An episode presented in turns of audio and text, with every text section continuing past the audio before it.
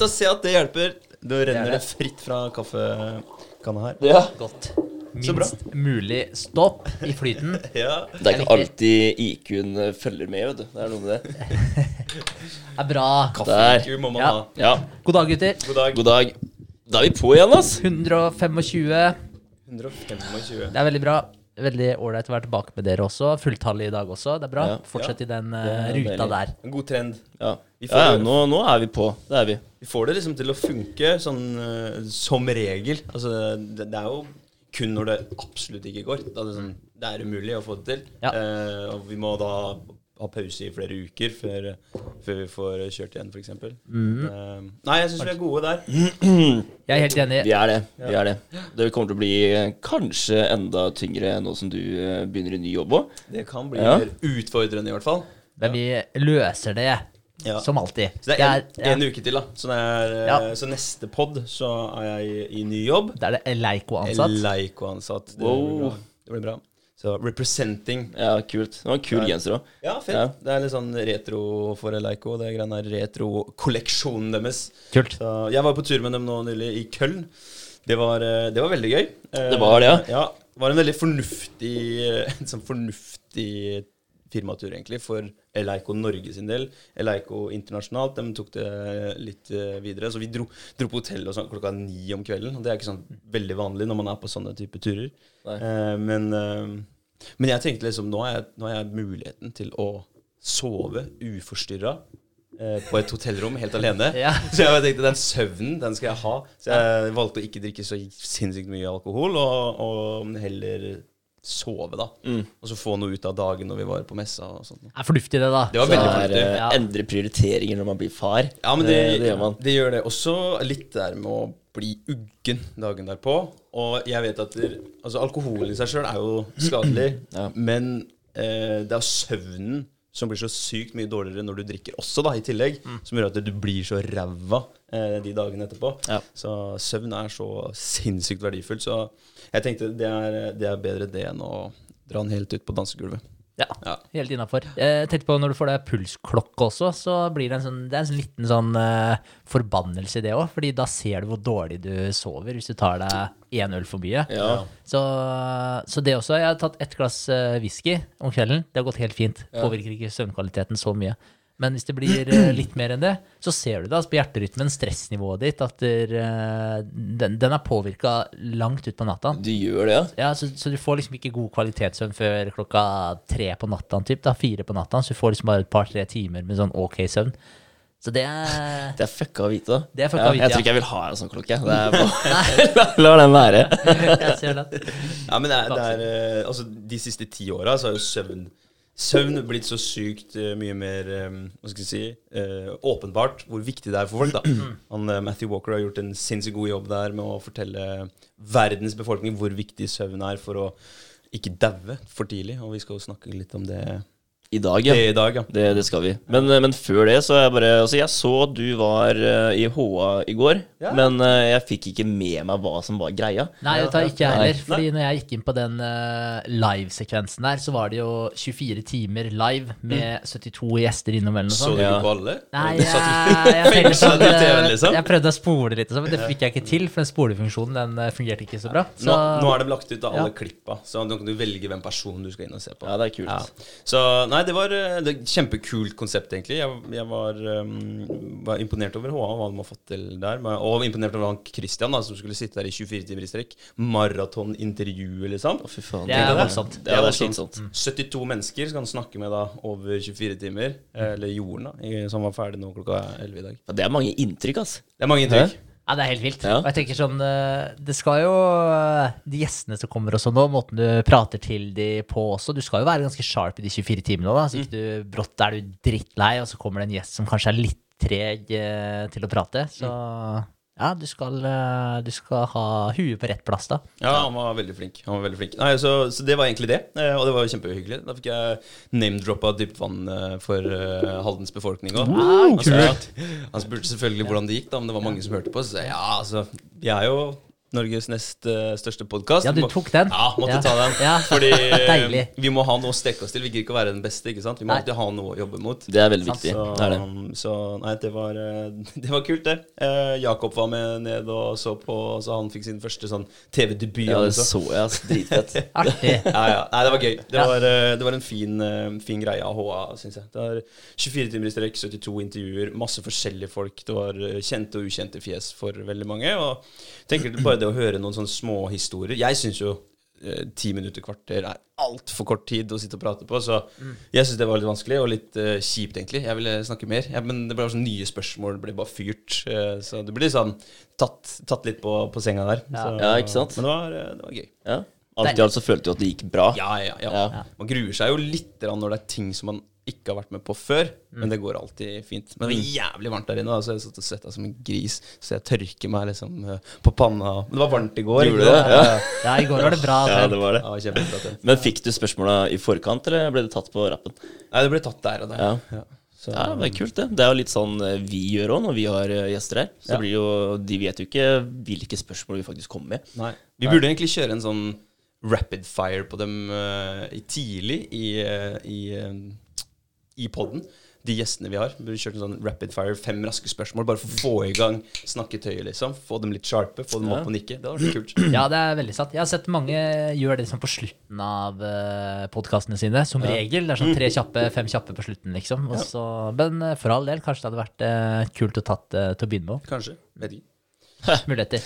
Ja, det er veldig sant. Og så creds for han eh, Hva het han for? Christian? Ja, det Bjørnby. Ja, Satt der i 24 timer. Altså, han kunne faktisk dødd. Ja, Sitte der så lenge. ja Kunne vært en uh, heavy belastning for kroppen, og så kunne det gått gærent. Det vet man ikke. Der kom Segwayen. Ja, dritbra. Ja. Prøvde i hvert fall. Ja. Men uh, det er litt det vi skal snakke om i dag. da Det er uh, døden. Ja. Ja, veldig dystert, egentlig, å snakke om det. Men vi prøver å Altså, det er ikke meninga at det skal være tungt og trist, det her, men kanskje, kanskje litt reflekterende, da. Ja, snakke okay. litt om det. For det er eh, Over helga så har jeg blitt eh, påminnet da, veldig mye om at eh, dø, det er noe vi alle faktisk skal gjøre. Det er, og det kan skje når som helst. da. Det er det som gjør det litt sånn skal jeg si, litt spennende, samtidig som at det er skummelt å tenke på. da. For det er vi, vi er egentlig bare noen kjøttsekker som, som løper rundt og våser på planeten jorda. Og det er, det er fader ikke mye som skal til ass, før det går gærent. For det er, eh, det er en liten tur på fjellet, det. Et mm. hopp som kanskje går litt uh, en vei du ikke så skulle gå. da. Lander du på nakken og knekker den, og så er det gjort, liksom. Ja. Det er ikke mer som skal til, da. Så det er, det er liksom noe å tenke på. Og, det er, og så er det litt den, da. Hvis man tenker på at død det er noe som kan komme når som helst, skal du, skal du da benytte deg av det til å bli redd og låse deg inne og holde deg unna eh, ting som kan gjøre at det går gærent, da? Eller skal du tenke at du, eh, fuck it, det er en eh, begrensning på tid der. La oss gjøre det beste ut av det. Det er, det er to sånne perspektiver som, som jeg tenker at folk kanskje velger veldig forskjellig på. da. Det er veldig, veldig interessant, egentlig. Og egentlig en kul måte å Eller en, en viktig ting å tenke på. At du, det er tiden vi har, da, den er veldig begrensa, egentlig. Eh, 24 timer i døgnet er jo for lite for alle oss som sitter i det rommet her, og mange andre mennesker. Og så har du et begrensa antall år på, på jorda også. Og da bør man liksom tenke på hvilke valg man tar, da. Eh, hver eneste dag. Eh, om det er ting som er av verdi for deg, eh, som vil sørge for at du har det bra, den verdifulle, men dog korte tiden du har på, på planeten. Jeg har en, en kar som sa til meg nå nylig, det her med penger også. Eh, det å liksom holde seg litt sharp Hvis du sørger for at du ikke har eh, Hva heter det på norsk? Abundance, eller at du har, Overflod, overflod liksom. ja. Ja. Eh, at du alltid liksom tapper deg litt for penger. For, for det, han jobber i et salgsyrke. Da Da sørger han for at han må liksom Han må levere da på jobb. Han får ikke den der hvileputa. Og jeg tror liksom de som har mye penger, sånn, eller ikke mye penger, men mye verdi, gjør litt det samme. At eh, Elon Musk og Bill Gates og disse gutta her, de legger seg ikke på en sandstrand.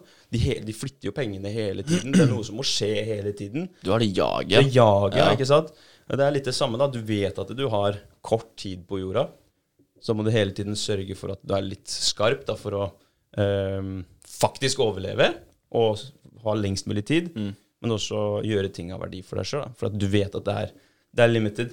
Mm, men der kan du se hvor forskjellige vi er òg, da. Fordi det er, eh, du har Elon Musk og Bill Gates og de som hele tiden har det jaget, da. Men så har du også de som eh, sitter i en komfortsone og ikke gjør noen ting, og basically bare venter på at døden skal hente dem inn. da. Ikke sant? Og sånn er det hvis man tenker eh, om man skal gripe hverdagen fordi man faktisk kan dø en dag, eller om man bare skal sitte på sofaen og chille. Altså det, det modige valget der er jo faktisk det å gå ut og gripe dagen. Fordi hvis du setter deg ned og er redd for å leve, så hva er poenget med å leve i utgangspunktet, da? Hvis, hvis du bare skal sitte her og være redd for å faktisk leve. Da, ja, så, så, den, eh, så det er jo på en måte en cop-out. At du er eh, det, altså, ja, det modige valget er jo faktisk det å gå ut og prøve å gjøre mest mulig. Jeg tror jo en av grunnene til at mange velger å ikke gjøre det, og heller setter seg til, havner i den, eh, det rutinemønsteret sitt Jeg tror mye av årsaken til det er at folk er redde for å sette seg mål. Ja. Og årsaken til det igjen er fordi hvis du setter deg et mål, så har du Uh, Ja, den har vi egentlig prata litt om tidligere, men når du setter deg et mål, så setter du automatisk ut en dommer som dømmer handlingene dine. Så med en gang du setter deg et mål, så trigger du samvittigheten din. Altså I det sekundet du har satt deg det målet fore, så er du nødt til å begynne å jobbe mot det målet, ellers så får du dårlig samvittighet, for da vet du innerst inne at du feiler.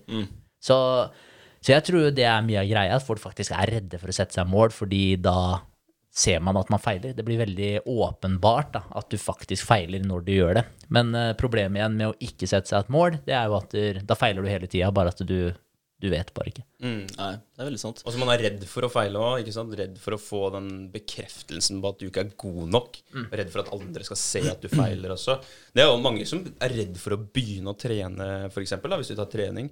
Fordi da vil andre reagere på at du faktisk prøver på noe. At du skal prøve å endre deg. da.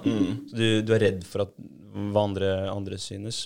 Men også det med å sette seg inn, da det valget har vi jo ikke hatt i, en, uh, i alle år, si. Det er jo noe som har kommet i senere tid, når vi har hatt uh, murvegger, si, og, og trygghet og politi til å beskytte oss, og, og Nav.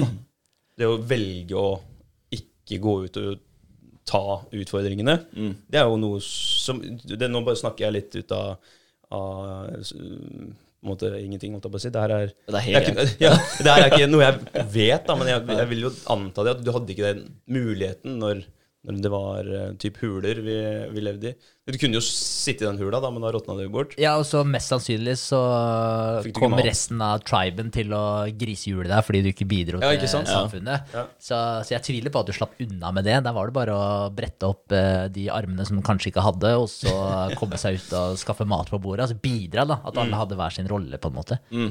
Men jeg vil jo tro at dere eh, tiden din at den blir kortere hvis du er den personen som velger eh, komfortlivet. da, Og ta den chille veien da, sitte på sofaen og bare få alt eh, levert, basically, da, kontra han som faktisk går ut, setter seg mål og eh, har det jaget. da. For det er, hva er det du gjør? da? Du sitter jo bare der. altså Du sier jo nesten bare til kroppen din at du, Streiker. Streike. Ja, jeg Du sier nesten til, til, til kroppen da, at du, eh, jeg, jeg skal ikke bidra med noe, så du trenger ikke å gjøre så veldig mye her, da. Nei. Nei. Jeg, jeg tenker jo spekteret ditt også, med tanke på opplevelser, følelsesregisteret ditt osv., Ja. videre, og at det blir jo veldig begrensa når du egentlig opplever mer eller mindre det samme hver eneste dag. Og så vil det selvfølgelig være noen utstikkere her og der i forhold til at ting skjer. Eh, eh, shit happens. Eh, folk blir eldre, folk går bort, som er da litt av temaet vi er inne på nå. Eh, og det er eh, mye her i livet man ikke kan eh, kontrollere, så selvfølgelig vil det jo dukke opp saker og ting som vil sette deg på prøve, selv om du har bura deg inne og kun sitter i sofaen og ser på TV, for å si det sånn. Men eh, samtidig så er det jo alle de dagene hvor du faktisk sitter der og bruker dagen din på det samme, så hemmer du jo følelsesregisteret ditt og opplevelsesregisteret ditt, for å si det på den måten. da. Og for det er jo dager som forsvinner til mer eller mindre det samme, at de ser like ut. Så ja, så, da, så, det, så du blir jo på en måte litt fattigere på livet, da, man kan si det på den måten, ved å faktisk uh, ja, i anførselstegn leve på den måten. Ja. Jeg tror veldig mange velger å ikke Altså, jeg tror alle har lyst til å ha den suksessen da, i livet og jobbe mot et eh, stort mål. Men jeg tror at når folk ser døden, og at der, eh, Ai, fader, nå døde han, liksom. Han, han var jo like gammel som meg, eller året eldre enn meg. Da tenker jeg at eh, mange bytter tankegang til at eh, vi tar én dag av gangen, og heller koser oss mer, fordi jeg kan jo dø når som helst. I stedet for å bruke ti år da, på å løse en ting, og så dør du på den ferden her. Da. Du fikk ikke komme dit du ville, da. Og heller bruke de dagene på å nyte hver eneste dag, fordi du kan jo dø når som helst. Det er et, men det er også et farlig tankesett. Da, da, ja. da er det veldig lite, lite som hadde blitt uh, oppnådd her i verden. Bare tenk på alle disse dere, Vi har snakka om det før sikkert i en eller annen setting, og dere har sikkert tenkt på det når dere går forbi sånne svære, fine monumenter i Roma, her inne i, i Vatikanet, eller om du er på ja, på Colosseum eller noe sånt, og så ser disse arkitekt, eh, arkitekturbygningene da, som eh, de har brukt hundrevis av år på å bygge. Så folk har jo via hele livet sitt De har jobba i 70 år, eh, 40-70 år, ikke sant? Mange, mange år. Og de opplevde ikke at det her ble ferdig. Tenk deg det. Døde mens de satte opp de Det byggverkene er en eh, forbruksvare, egentlig. Ja, egentlig. Ja. en, en liten brikke i et svært jævla puslespill, ikke sant? Og de hadde de hatt tankegangen på, på det, da, at vi tar én dag av gangen. Det er ikke noe vits at jeg begynner på et nytt prosjekt nå, for jeg kan jo dø når som helst. Så da, da Meningen med deg da, i det store bildet blir jo veldig liten. Du får en veldig eh, lite verdi for samfunnet og verden hvis du hele tiden skal leve på dine egne premisser sånn eh, dag for dag da, og ikke setter deg store mål og bidrar. Mm. Det er ganske heftig da, å tenke at det faktisk var folk som gikk det, det samme arbeidet for å bygge én bygning, og så kom de ikke til å se at den bygningen blir ferdig. Sykt. Men det er eh, ganske fascinerende å tenke på, fordi den var jo med og bygde noe stort, noe som har en enorm verdi i dag, og som folk betaler penger for å reise i fly for å se på. Så det er jo Sykt. Det er ganske sjukt å tenke på. Men eh, ja, det er litt interessant. Ja, det er det. Men jeg tenkte på i forhold til det med å være bevisst på at man faktisk går bort da, og bruker det som en sånn drivkraft til å få gjort noe med livet sitt. Og, og, og hva skal jeg si, det som gir deg verdi, da, det som skaper verdi for deg sjøl. Altså, det er jo framdrift på en eller annen måte. Så enten om det er eh, materialistiske, materialistiske ting, forholda du har, eh, familie, eh, jobb, eh, alle, alle de tinga her, at du faktisk har progresjon da, på de eh, områdene her, er jo veldig viktig for å føle at du faktisk eh, går framover. Men en drivkraft, de stoikerne, vi har jo snakka om de tidligere, de har jo en sånn eh, saying, tror jeg måtte bare google den kjapt der for å se at eh, jeg huska riktig, men memento mori, sier de. Og det betyr jo husk at du skal dø. Så, så de er sånn der, de var veldig på en sånn påminnelse på det hele tiden, men ikke som en negativ greie. Men bare husk at du skal dø, og baser litt avgjørelsene dine på det. For det er som du sier, Vegard, det kan skje i morgen. Og da er, det, da er det greit å på en måte ha brukt det litt som den derre At livet er litt mer akutt. da, At ikke man legger seg bakpå og bare er tilfreds med sånn som ting er. Men at man faktisk prøver å få noe, noe ut av hver eneste dag. Jeg tror det er veldig smart å tenke at man har dårlig tid. Altså, I hvert fall for meg da, som person. fordi hvis jeg har en oppgave foran meg, og jeg skjønner at fader, nå har jeg dårlig tid på meg til å løse den oppgaven her, da jobber jeg mye mer effektivt da, enn hvis jeg vet at der, jeg trenger ikke være ferdig med det her før om x antall måneder. Da tar jeg det helt med ro. ikke sant? Så det å vite at der, du har ikke så lang tid på den planeten her, Mm. Det var litt kult, da. da fordi- det effektiviserer kanskje det, det du skal gjøre. da. Ja, det, det er jo deadline. Det er litt Ja. kult. at Det ligger i ordet død. Ja. Ja, det er jo døden der, Ja. ikke sant? Deadline. Ja, men det er også er akkurat sånn. Og jeg tror veldig mange er drevet av, av disse begrensa tidshorisontene. Deadline hele tiden. Jeg, jeg får nesten ingenting gjort hvis ikke jeg sier at det skal være gjort innen klokka x den dagen. Det er veldig sant. Eh, hvis vi også når vi tenker på døden, da, eh, så kan vi også begynne å reflektere over hva som faktisk betyr noe da, i livet vårt. Altså er det, er det de materielle tinga? Er det, er det penger og status vi bryr oss om, eller er det relasjoner, kjærlighet, altså menneskene som eh, er rundt oss, da, og opplevelsene som gir oss eh, lykken? Det er, nå er det jo delt opp, da, og jeg tenker jo egentlig at alt sammen samla, det er jo selvfølgelig det beste. Ja. Men man tenker veldig forskjellig.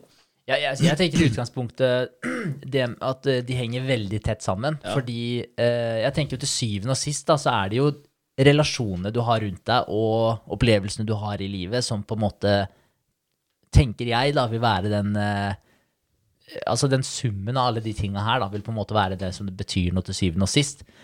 Men for å få det best mulig på den fronten der, så vil de materielle tinga, da, som penger osv., de vil være med. Det er, det er et middel da, for å faktisk forbedre eh, mulighetene til deg og de rundt deg som du også som du er glad i. da.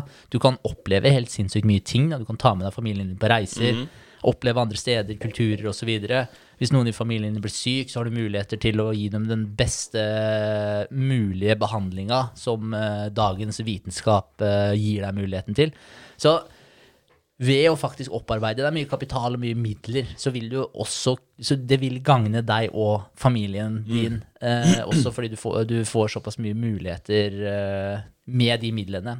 Men så kommer jo kanskje spørsmålet i forhold til balansegangen her, da. Fordi hvis du jobber så hardt og så mye at du da neglisjerer eh, de du er glad i og familielivet ditt fordi du skal opparbeide deg midler som du igjen skal bruke til å ta vare på de, da, så er jo det en liten sånn catch 22. Mm. Det er veldig vanskelig. Å. Ja, så, så, så, så jeg vet ikke helt det riktige svaret, men, men, eh, men i utgangspunktet så bør jo svaret på det være at du jobber så mye at du kan opparbeide deg de midlene som vil være med å gagne familien din, uten at det går på kompromiss av eh, forholdet til familien din. Hvis man ja. får til det, så tenker jeg at da, da har man lykkes. Eh, Se på alle disse valga du egentlig ga oss, da, eller hva, hva vi mente, som er boostere for hverandre. Fordi du, du bruker jo gjerne nettverk og relasjonene dine flittig for å oppnå ting, for å um, klatre videre i karrieren, eller hva det måtte være. Og du tar også gjerne med relasjonene dine, bruker de på opplevelser. Og så trenger du da de pengene du har opparbeida deg via relasjoner, til å oppleve nye ting. Da, ta med deg de, de menneskene. Så de er, sånn, de er boostere for hverandre. Men med gode relasjoner så er, det, så er det digg å ha mye penger og bruke pengene på de rundt seg. Med gode relasjoner så er det deilig å oppleve, og det er mye morsommere å oppleve ting sammen da, enn helt alene. ikke sant? Så det er sånne boostere for hverandre. Så, Jeg tenker jo egentlig at, det- at det, eh, relasjoner og ja, personer rundt deg, kjærlighet, det, det er jo egentlig den sterkeste. Det er, du kan stryke materielle ting, og du kan stryke penger og status. For det er utrolig kjipt å ha de to tinga uten å ha relasjoner og Ja. noen rundt deg å dele det med. Det er det jo. 100 Ja. Men hvis du ikke har slikk og, hvis du har slikk og ingenting òg, sånn Ja. økonomisk sett, da, eh, så du sliter med å fø familien din, så, så er jo det et uh, stort problem, så mister er du relasjonene ja. til døden fordi Ja. du ikke har penger nok til å fø de. Ikke Ja, sant? Ja. Så, så, så du, jeg føler ikke du kan stryke noen av de, sånn eh, i utgangspunktet. Fordi det, det er veldig mange som sier at der, i forhold til det her med når det er snakk om penger og sånn, da, så er det liksom et uh, umoralsk mål, da. Altså man får nesten sånn Du skal nesten føle litt på det eh, hvis noen eh, spør deg, og du sier at du har et mål om å opparbeide deg mye kapital, da. Eller så sier du skal bli rik, eller noe i den duren. Så er det sånn det er nesten så du får stygge blikk. Det er nesten så det er en umoralsk ting å si. Selv om du opparbeider deg det på en veldig fornuftig måte. Du kan skape arbeidsplasser i samme slengen. Du kan faktisk bedre mange familier, eh, familier sitt liv da, Ja. ved å eh, pursue den drømmen som du har om å bygge den businessen du har, eller hva det måtte være, på veien til rikdommen. Da. Så, så, men, jeg, men jeg tenker jo at det, det ikke er altså, altså Jeg vet ikke måten vi ser på det i dag. At det er litt den der janteloven. Det er litt skamlagt, det med å pursue mye, mye cash, da. Eller mye midler. Men jeg tenker jo altså, det er måten man gjør det på som har mye å si. Men jeg tenker jo at det faktisk er et dydig formål. Fordi du kan gjøre mye godt med de casha senere. Både igjen for deg og familien og de rundt deg. Da. Så jeg føler det er stikk motsatt. Jeg føler at det faktisk er et moralsk mål å gå etter eh, eh, mye midler og opparbeide deg kapital og, som du kan gjøre igjen da, mye godt med senere. Men jeg tenker det er måten man gjør det på som kanskje er det viktige, viktige poenget her, da, om jeg kan si det på den måten. Apropos jantelov og eh, den Køllen-turen jeg var på nå, så var jeg på en stand. av en FIBO er jo verdens største fitnessmesse. Det var der vi var for å se på masse treningsutstyr og sånt nå. Og det er en eh, kar fra Fredrikstad som, eh, som Han er oppfinner. Eh, og han er så eksentrisk. Han er, sånn spes han er veldig spesiell. Morsom, da. Så vi var på standen hans. Han har jo bygd den derre Booty Builder. Har du hørt om den? Ja. Ja. hofteløftemaskinen. Mm. Den har han bygd. Og han hadde jo en stand der da, med flere maskiner eh, for, for bootyen. da. Så han ansatt eh, noen sånne booty-jenter som gikk rundt og eh, demonstrerte på disse maskinene. Og, det, og han har jo truffet på tida, ikke sant? Han har truffet på Instagram, Snapchat. Eh, altså Rumpa er jo inn. Det å legge ut eh, fitnessbilder med, med sånn scrunch tights, sånn som har sånn derre fisering eh, på, på tightsen. Det er skikkelig teit. Det er, så, det, er så, det er så inn det at folk faktisk vrir rumpa til kamera og snur seg i en sånn der awkward eh, 180 graders vinkel for å få med rumpa på Det bildet. er fucka, vet du. Ja. Det er faen meg Ja. Så inn er det. Men han har jo truffet en skikkelig nerve, da. Så, så det strømma jo til folk til den eh, standen hans. Og du så liksom øya gikk rundt i trynet på han, og han, han bare Han sto bak den standen der, og så heva han og Vi, vi snakka med han, da. Ja. Mens vi snakka med han, så, så, og han har litt sånn tics, så sto sånn, og så sto han med hendene over hodet, og så bare Millionær! Han telte penger mens han sto der. jævlig bra. Jævlig bra. Det er ikke noe jantelov i den gården der. Så, Det er jo helt rått, da. det, det, gikk trill rundt for ham, men han har gjort det jævlig bra. da Han er ute i 180 land nå, ikke sant. Det er ja. Vet du, Det fortjener han, altså. Ja. Han fortjener å kunne gjøre det. Og jeg tenker det er, en, det er en bedre måte å være litt sånn på Ja, jeg skal jobbe meg opp, og jeg fortjener den suksessen og rikdommen jeg har. Når man er veldig ærlig og åpen om det. Men hvis man er sånn herre eh, altså man, man ser at du, du gnir deg i hendene og er sånn litt sånn kynisk og penger, penger, penger hele tiden, og så prøver du å gjemme det litt bort. Det er ikke like kult, men han, han er jo litt Bare morsom, da. eide det, Han bare liksom. eide det, ja. Ja. Ja, dritkult. Herregud. Men man kan jo alltids møte folk, da. Altså Hvis du bestemmer deg for at eh, jeg skal gå veien alene, da, drive business og gjøre det bra, er du en god person, så møter du mest sannsynlig eh, mennesker på veien som tenker det samme som deg og gjør det samme som deg, som du garantert kommer til å få en relasjon til. Ja. Så om du velger å ha familien fra bånn, eller om det kanskje danner seg i løpet av den veien her, det er jo to måter å gjøre det på. Det er det. Men, men vi sa sa i stad at du må ha midler, og det er jo ikke helt riktig. Du kan, eh, hva heter det, være self-served, altså flytte ut eh, på en eller annen eh, tomt, da, og bo i et typ telt, og så gro dine egne grønnsaker og ha noen høner og noe greier. Du kan være 100 eh, selv, og heter forsynt, selvforsynt. Selvforsynt, ja. ja. Men det er, det er jo det ditt mål, da. Mm. Det er jo det din mening med livet, da. At det er her du skal være. Ja, for det er noen som tenker at det, det er det som er det å leve, og det være, være til stede, være nå og drive seg sjøl litt. Mm. Det er mange som, eller mange, det er noen som er der også.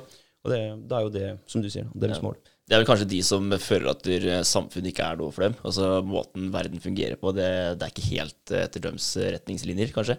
Men jeg kan jo på en måte skjønne det litt eh, også, den eh, I forhold til sånn som vi lever i dag, da du var litt inne på det tidligere også, med det at der, eh, før i tida så måtte man på en måte ut og kjempe for eh, plassen sin og for overlevelsen, mens eh, i dag så kan du på en måte bare innen få tiår så har egentlig måten vi lever på forandra seg drastisk. Så det er jo klart at det her har uh, stor innvirkning på oss. Du nevnte det med søvn i stad, André. Uh, før så var det jo sola, lyset, som egentlig styrte døgnet ditt, når du skulle stå opp og når du skulle sove. Og hele systemet vårt er jo tilpassa for å følge den rytmen her. Mens nå har vi masse kunstig lys inne, og vi fucker jo helt med, med forskjellige kjemikalier i kroppen. Sånn, så, så systemet vårt, pluss da alt som vi har i oss og spiser, som vi ikke har vane med å spise Altså Vi har i oss så mye greier, og vi får så mange inntrykk i dag da, som er med på eh, hva skal jeg si, å gjøre så systemet vårt på en måte går litt sånn amok. da. Så, så jeg kan jo også skjønne folk som da vil trekke seg tilbake og leve på en litt mer primitiv måte. Selv om det er ekstremt vanskelig i dag. Men jeg så en fyr som hadde levd i hva var det for noe? Var det 12 eller 18 år eller et eller annet sånt i en hule? Han hadde bare meldt seg ut, altså funnet en eller annen hule et eller annet sted i et fjell, og så bare hadde han levd der de siste 12-18 åra. Ja. Så jo helt uh, sykt uh, shabby ut, da, for han var jo ikke akkurat uh, Det var ikke som at han uh, slakta en okse og spiste hver dag, men, uh, men samtidig, han hadde sikkert sjukt bra, hadde sikkert peace of mind og, og kosa seg med det. Så det er muligheter. Ja, for, for all del. Det er, men jeg tror også det, da, at hvis alle vi hadde fått vite hva som faktisk er i den maten vi spiser, grønnsakene vi spiser og frukten vi døtter i oss, hva som av kjemikalier, da, så tror jeg, vi, tror jeg de fleste av oss faktisk ville dyrka ting selv. Hvis vi hadde fått det servert på sølvfat, at det her er faktisk det du får i kroppen din, så tror jeg vi hadde kutta ut ganske mye. Altså. Ja, det tror jeg òg. Det, er jo, øh, det, er, det er jo mer og mer fokus på det, så jeg tror det der kommer til å komme mer og mer med tida framover. Det spørs litt uh, hvor flinke visse institusjoner er med å lobbye, men, uh, Men i utgangspunktet så føler jeg det blir mer og mer fokus på det. Altså, Det er jo egentlig en sånn eh, Kall det en stille krig, eller ikke så stille krig, mellom nå type plantebaserte sånn industri, megaprosessert uh, mat, eh, sammenligna da med organisk, kortreist, uh, animalske eh, produkter. Så det er jo på en måte Det er ganske krasj mellom de to eh, hva skal jeg si, industriene der, da, man kan kalle det det, eh, nå. Så, og det er mye penger i den, uh, i den plantebaserte industrien. Det, det er mye midler, og det er mange som ønsker å, å pushe det framover, fordi da kan du få mye profitt. Det er mye penger som er drevet av det. Pluss at der, eh, hvis man eh, får Med tanke på hvis man spiser mye ultraprosessert mat osv., så, videre, så skaper du mye inflammasjoner og mye problemer i kroppen din også, og det vil jo gagne Big Pharma igjen, eh, som vil da få mye cash, da. Mm. De er jo med å lobbye, ikke sant, med politikere osv., videre, da. Så det er jo mye større problem i statene, sånn sett, men det, det som skjer der, det skjer her etterpå, så, så det sprer seg. Så, så det er ganske sånn sammensatt opplegg, da. Men Og de det- tankerekkene her, som du nettopp øh, fremstiller, de er jo årsaken til at mange flytter inn i en hule. Ja, Vil ikke være en del av Ja. det greiene her. ikke Altså, sant? de fremmer jo døden, da. Det er jo det de faktisk eh, lever av. De gjør deg syke for å kunne fikse deg igjen. Ja, basically. faktisk. Det der er, en, det er bukken og havresekken, de greiene der. Ja, det er det. Tvil. Men, eh, og det er jo veldig skummelt. Og det er veldig trist også. Og det er på en måte en av de store negative baksidene ved kapitalismen. Mm. Der hvor det er muligheter for, for å få profitt, der vil folk oppsøke å, få profitt. Mm. Men, eh, men det beskriver ikke hele systemet. Bare sånn, det er faktisk mye, det er selvfølgelig mye positivt også, eh, som går parallelt her, da. Men, eh, men ja, det er en av baksidene. Mm. Definitivt. Ok. Oi, nå tok jeg borti det som er her. um, så hvis, uh, hvis vi skal bruke forståelsen av døden da, til å motivere oss å leve i tråd med våre verdier og mål Altså, Hvis du tenker på det, da, hva er det du, hva er det du ser for deg, hva er det du ønsker at eh, din eller deres type etter, etter, Ettermæle? Ettermæle? Mere? Ja, et legacy, liksom? Ja. Legacy, ja. Hva er det du ønsker at den skal være? Det er en ganske vanskelig tanke, for det er ikke så veldig mange som tenker så langt uh, fram. Vil ha en eh, gate oppkalt etter meg, tenker jeg. Du vil det? En åndsstatue. Ja. Ja. Ja. Skal det være En gate og en statue. Ja, det er begge deler. heftig. Ja. André Holters gate? Nei, jeg, jeg, tenker, jeg tenker at hvis man klarer å sette spor på, på sine nærmeste, og hvis jeg klarer å sette spor på, på samfunnet på et eller annet vis, da, med at jeg har gjort en forskjell for x antall mennesker, at jeg, at jeg kan, kan dø med visshet om det, da, at det jeg har gjort på, på jorda, har i hvert fall hjulpet x antall mennesker, eh, så er det en verdig legacy for meg, i hvert fall. Og da er det, da er det snakk om å, å gjøre noe for veldig mange. Ikke sånn hjelpe naboen med å klippe av gresset, liksom. Det er ikke det perspektivet der, men det er eh, på det større Det er et større bilde, da. Større setting. Ja. Det er veldig sant. Det er hyggelig å klippe gresset for uh, gamle Naboen. Turid. Det, er- Ja, det er det. det, Ja. det er det. Ja. Nei, men jeg tenker også litt i de banene der, i forhold til det å forlate verden. Eh, og da forlate den eh, hvor du faktisk har gjort verden til et litt bedre sted fordi du eh, levde her, og at du faktisk ikke har vært med på å gjort verden til et dårligere sted fordi du har vært der. Så jeg tenker hvis man kan ha en sånn nettpositiv eh, sum på slutten der, så tror jeg det er veldig bra. Du er en, eh, en av de som har vært med å mure opp det lille Eller det store, da. eh, eller den bygningen vi snakka om i stad. At du har vært med på å forme, den bygningen.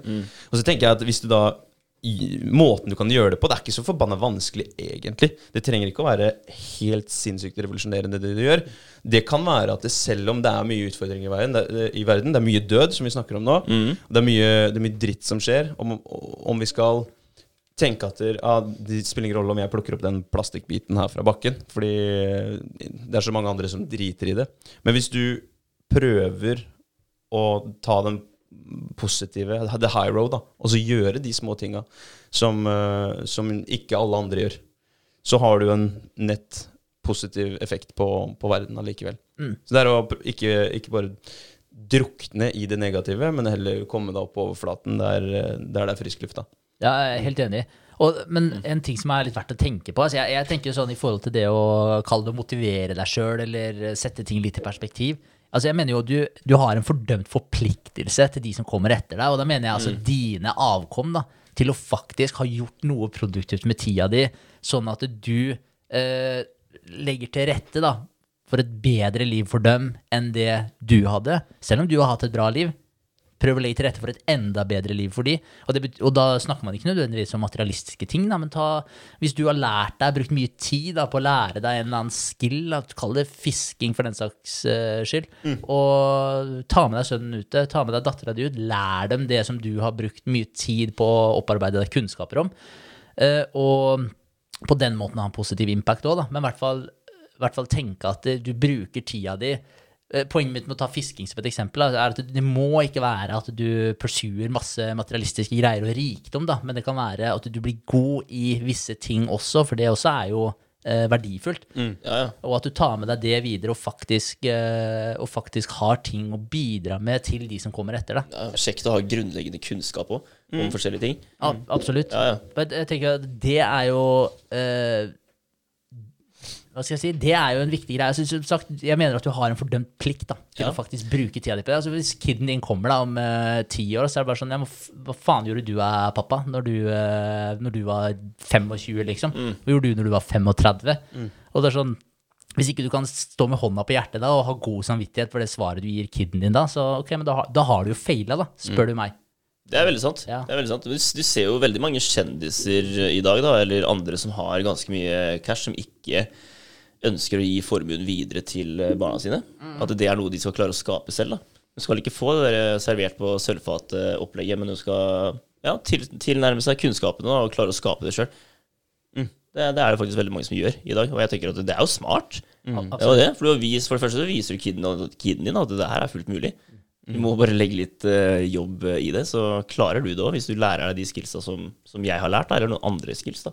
Helt klart. Ja. Og så er det noe med det i forhold til at du opparbeider deg erfaringer også. Altså du gjør mange feil. Eh, det er jo en del av livet. At du gjør feil, og så eh, prøver du selvfølgelig å rette opp i de feila etterpå, sånn at du kan bli en eh, bedre helhetlig karakter. Og det er jo en av oppgavene dine også, er jo å bringe det videre til kidsa dine også, sånn at de faktisk slipper å tråkke i alle de samme fellene som det du gjorde. Selv om naturligvis må man tråkke i noen for å lære det ordentlig sjøl, men i hvert fall at man kan styre unna de verste. da. Og det tenker jeg også er en, eh, en viktig del av den legacyen som du gir videre etter at du faktisk har gått bort. da. Hvor eh, godt rusta var du til å faktisk ruste opp kidsa dine for å skape en best eh, framtid for dem selv og de rundt seg.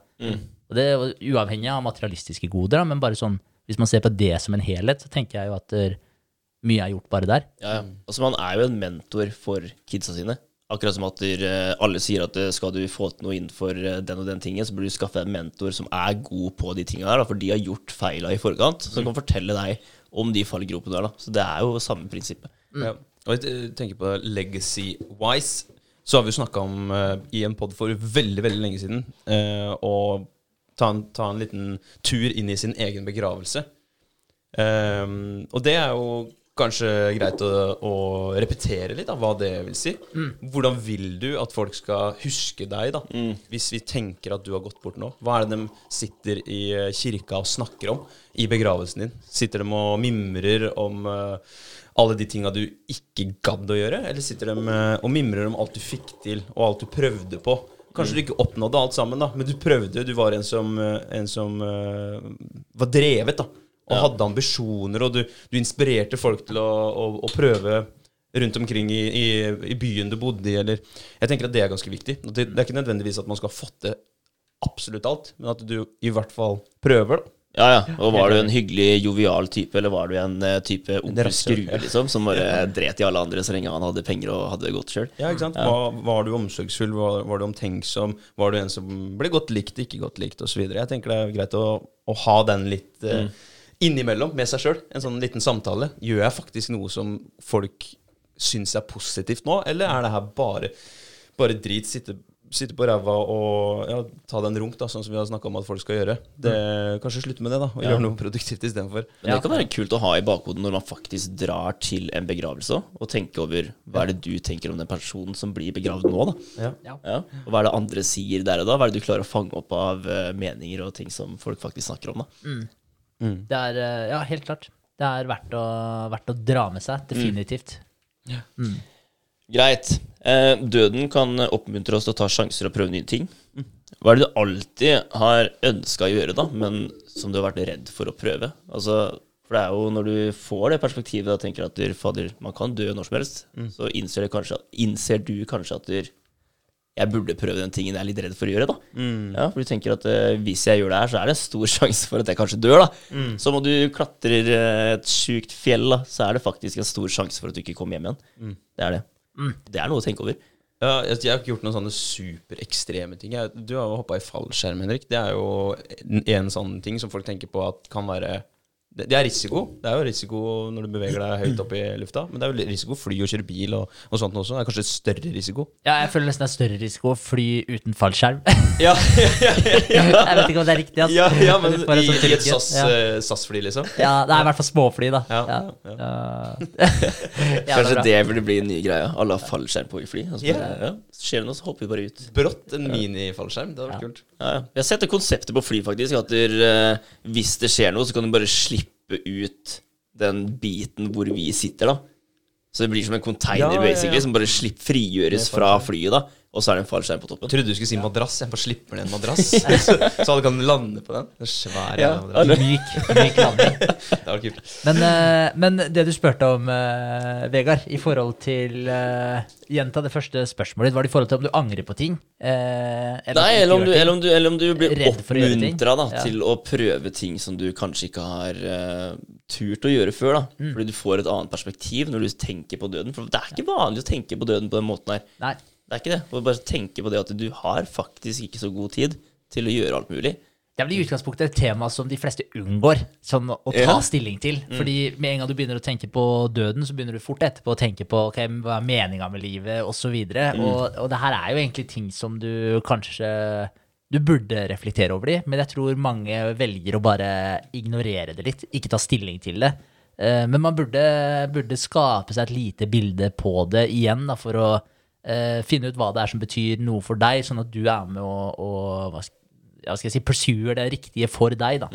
Men uh, jeg tenkte på det, altså jeg synes det var et interessant spørsmål, hvis vi bare ser bort fra sånn type ekstremsporter og gjør ting som er farlige og sånn, men hvis man bare ser på det med å velge å se bort da, fra, fra frykten sin for å prøve noe nytt, så tror jeg det også er uh, kanskje nøkkelen her, da, for hvis du tenker at eh, livet er skjørt, og du kan gå bort når som helst, og hvis du da er redd for å gjøre noe fordi for eksempel eh, kanskje noen andre har formeninger om det du gjør, at du stikker hodet litt fram, og at det er ubehagelig, så kanskje du ja, hvis du har eh, ja, memento mori, da, hvis du har den litt eh, lengre fram i panna, så kanskje du velger å drite i det, da, og faktisk pursuer det som du har lyst til å, å gå etter.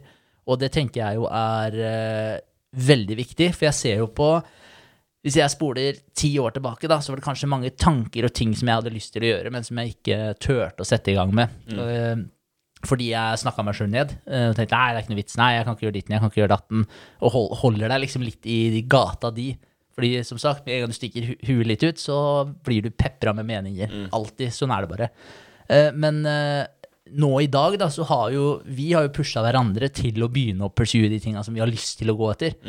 Og det er jeg veldig takknemlig for, fordi eh, nå sitter jeg jo med en følelse av at jeg faktisk går etter de tinga som jeg drømmer om å gå etter. Og, det, og bare det er ekstremt givende for meg. Men hvis ikke jeg hadde hatt eh, baller nok, og kanskje også hatt dere rundt meg, så er det ikke sikkert jeg hadde turt å, å gå etter de tinga. Og da kanskje jeg også hadde holdt på med veldig annerledes ting enn det jeg gjør i dag. Og de hadde kanskje også vært veldig mye mindre produktive enn de tinga som jeg eh, holder på med i dag. Og også da mye eh, mindre verdiskapende, kanskje. Hvis vi, hvis vi ser på, på folk som får en eller annen dødelig diagnose, da, så, så er det ofte på filmer Du får servert den her i veldig mange filmer, som bucketlist. Det har man jo da. Det er sånn, det her skal jeg gjøre før jeg dør. Og spesielt blir den frem, framheva når man har en, eh, en, en forventa eh, død. da At man vet at jeg kommer til å dø innen, innen eh, den datoen. Ja. Og jeg tenker at den bucket, bucketlisten bør egentlig startes på så tidlig som mulig. da hvis det er ting som du faktisk har lyst til å oppnå eller gjøre, om det er å, å kjøre gokart et eller annet sted, eller om det er å som du sa, klatre et eller annet fjell, bestige K2, eller begynne mye tidligere, ikke at det skal komme sånn sent i livet. Det her skal jeg gjøre når jeg pensjonerer meg før jeg dør. Det er det er- veldig synd. ja, Det er det. At det er sånn. at vi, at vi kanskje tar den bøtta litt tidligere inn i, i livet vårt, og prioriterer den, da. Det er jo det som er det typiske mennesket, da. Altså, du, du, du får den opplevelsen når du får beskjed om at nå har du dårlig tid. Det er sånn oi, shit, da må jeg gjøre alt det her. Hvorfor har man ikke den bare hele livet? At du, har du lyst til å gjøre en ting, så bare gjør du det. Ja. Hva er, hva er grunnen til det? Altså, er det fordi vi føler at vi har så god tid at vi kan bare utsette tinga, eller er det fordi vi er redde til å prøve det? Jeg tror det er en kombinasjon, ja. At vi, vi tar det litt for gitt at livet er, er ganske langt. da. At vi kommer til å bli 90 år, de fleste av oss. Eller 88, eller hva, hva er gjennomsnitts le- levealder? Hva vi fant ut? 78? Ja, noe Sånn sånt. ja. Eh, vi tar det litt for gitt, tenker jeg. Og også at vi er redde for å stikke hodet ut. At det, å ja, han skal kjøpe seg Hvis drømmen din er å kjøpe deg motorsykkel, han skal gjøre det nå, ja. Midtlivskrise allerede nå, liksom. Det er sånn, sånne type ting da man tenker at folk er litt eh, Folk har har noe med dine greier å gjøre hele tiden. At folk dømmer deg. At du du ja, blir, blir et sånt utskudd. da. Og så har du den der dommeren som du setter ut. da. For da, Hvis du faktisk begynner på bucketlisten din med å bestige det fjellet, Ja. så krever det jævlig mye arbeid også. Det krever jo mye forberedelser. Det koster penger. Ikke sant? Så da setter du deg et ganske høyt, hårete mål, og så kanskje du ikke klarer det, eller når det, og da har du den følelsen av at du kan feile. Du, Og du er redd for det. da, Redd for å feile. Det er veldig sant. Men jeg syns det var veldig bra det med at der, eh, det med at eh, hvis du innser at der, eh, døden er der, holdt jeg på å si, så, så gir du kanskje litt faen i hva andre tenker, da. Og Ja. du hopper ut i ting som du kanskje er redd for å gjøre ellers. For det er, altså, det er jo hovedgrunnen til uh, nervøsitet, da. At du tenker på hva andre folk uh, tenker om deg når du enten står foran andre og prater. Det er jo derfor du blir nervøs. Du har lyst til å imponere dem. Du er redd for at de tenker at det du gjør, er dårlig. Sant? Så hvis du får den tankegangen at du, du egentlig driter i det, fordi du skal, du skal dø uansett ja, Om noen år så er du vekk, du. Og har du gjort noe kjempepositivt, så, så blir du kanskje huska. Hvis ikke, så er det ingen som husker det. Ja. Ja, det er sant. Uh, og det er jo egentlig helt patetisk når vi tenker på Nå er det jo stor variasjon da, i hvor mye forskjellige mennesker legger i hva andre syns om dem. Men det er jo helt patetisk å la mennesker som du ikke omgås med, som du egentlig ikke har noen nær relasjon til, eh, Styre livet ditt, ja, være med å definere livet ditt. Det er jo det er patetisk. Det er det. Ja, hvis, hvis du virkelig bryr deg om hva vennen til vennen til vennen din mente om deg, så er det sånn ja, da må man faktisk eh, skifte litt perspektivet. Men det er jo ikke noe hyggelig, da. Altså når du får, eh, hvis du bare hører et eller annet sted, en eller annen ute i periferien som bare ikke liker deg, så er det sånn Men hva, hva Hvorfor det, liksom? Hva, hva jeg, altså, hva har jeg gjort deg? Og, altså, det er jo ikke sikkert man har snakka med personen engang. Så det er jo aldri hyggelig. Man blir jo alltid litt sånn uh, satt ut av det. Men, men det handler om å sette det litt i perspektiv, og ikke la andre rundt deg definere livet ditt. Lytt til meninger, spesielt da hvis det er folk som er uh, nære, og som du vet har eh, de beste hensiktene for deg, som faktisk vil at du skal få til det beste. For det er også en annen ting, det er ikke alle som man anser som venner osv., som faktisk ønsker at du skal oppnå alt det du vil og drømmer om. Nei. Fordi det kicker inn et snev av sjalusi der, kanskje. Og da er det med og trumfer eh, den eh, følelsen av at de er glad på dine vegne. Og, så ma- man skal faktisk være litt bevisst på det også. Og de personene, hvis man klarer å luke ut de, for det første så bør man kanskje ikke være venn med de. Eh, for det andre så bør man jo i hvert fall ikke ta feedbacken dømmes like seriøst som man tar feedbacken til andre som man eh, virkelig er glad i, da, og som du vet vil det beste for deg. Så ta til deg feedbacken, men, eh, men ikke ta deg nær av feedbacken, kanskje. Se litt an hvem den feedbacken kommer fra også. Det er veldig sant. Ja. Jeg hørte den gangen at du, eh, hvis du er usikker på om eh, kompisen din er en veldig god kompis, så får du gå og fortelle en dårlig nyhet om deg selv, for å se hvordan den personen reagerer. Da. Ja. da kan du lese om han faktisk føler med deg, eller om han basically ler av det. Da. Ja, Ja. Ja, og det gjelder jo både positive og negative nyheter. Ja. For, en, eh, ja, for en riktig god venn er jo faktisk uh, lei seg på dine vegne når noe går dritt, og så er de glad på dine vegne. Genuint glad på dine vegne når noe går bra. Og det Ja, den er ikke alltid så lett, den heller. Eh, det er fort gjort at man kan bli litt uh, sjalu og tenke faen, det der skulle skjedd med, med meg også, men at man uh, tar seg i nakken da, og så ja, hva skal jeg si?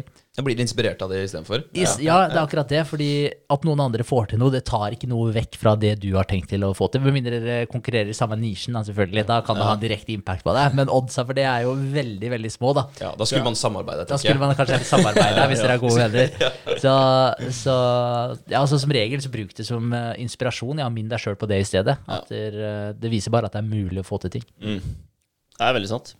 Veldig sant. Ok. Hva er det for noe erfaring vi har rundt døden? Har vi noe erfaring? Har vi noen som helst erfaring rundt døden? Jeg tror ikke, Du har ikke erfart døden før du dør, da. Så, men du kanskje har erfart at noen andre dør. Noen andre som er rundt deg. Erfart at noen vil dø. For det er også et spørsmål som er litt interessant. Det er mange mennesker som faktisk ikke vil leve, Ja. men som vil dø. Pga. enkelte psykiske lidelser eller livssituasjon, drastiske endringer i livet. At det er en eller annen traume som har oppstått. Så, så det også er jo litt interessant.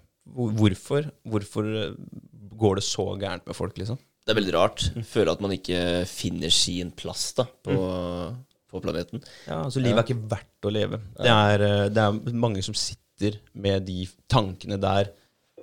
Noen øh, kanskje oftere enn andre. Eh, no, og da er det sikkert en eller annen sykdom som er inne i bildet. Jeg, jeg, jeg har jo litt uh, close up-erfaring med det um, i familien. Og det er, det er skikkelig uggent å vite at noen har de vonde tankene. Da, vite at de har det så fælt at de ikke ønsker å være på, på jorda. Ønsker ikke å være den vandrende kjøttsekken, men å, å være en ikke-vandrende kjøttsekk under, under bakken, liksom.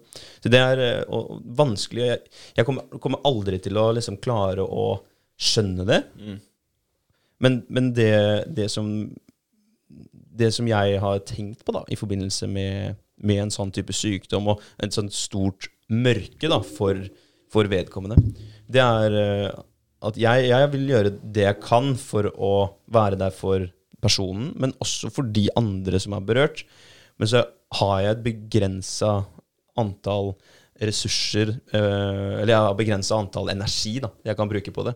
Så jeg må bruke akkurat den, eh, den mengden med energi som jeg har, har til overs, ikke noe mer enn det. Det kan ikke gå på bekostning av, av meg selv da, og, og de andre jeg skal ta vare på.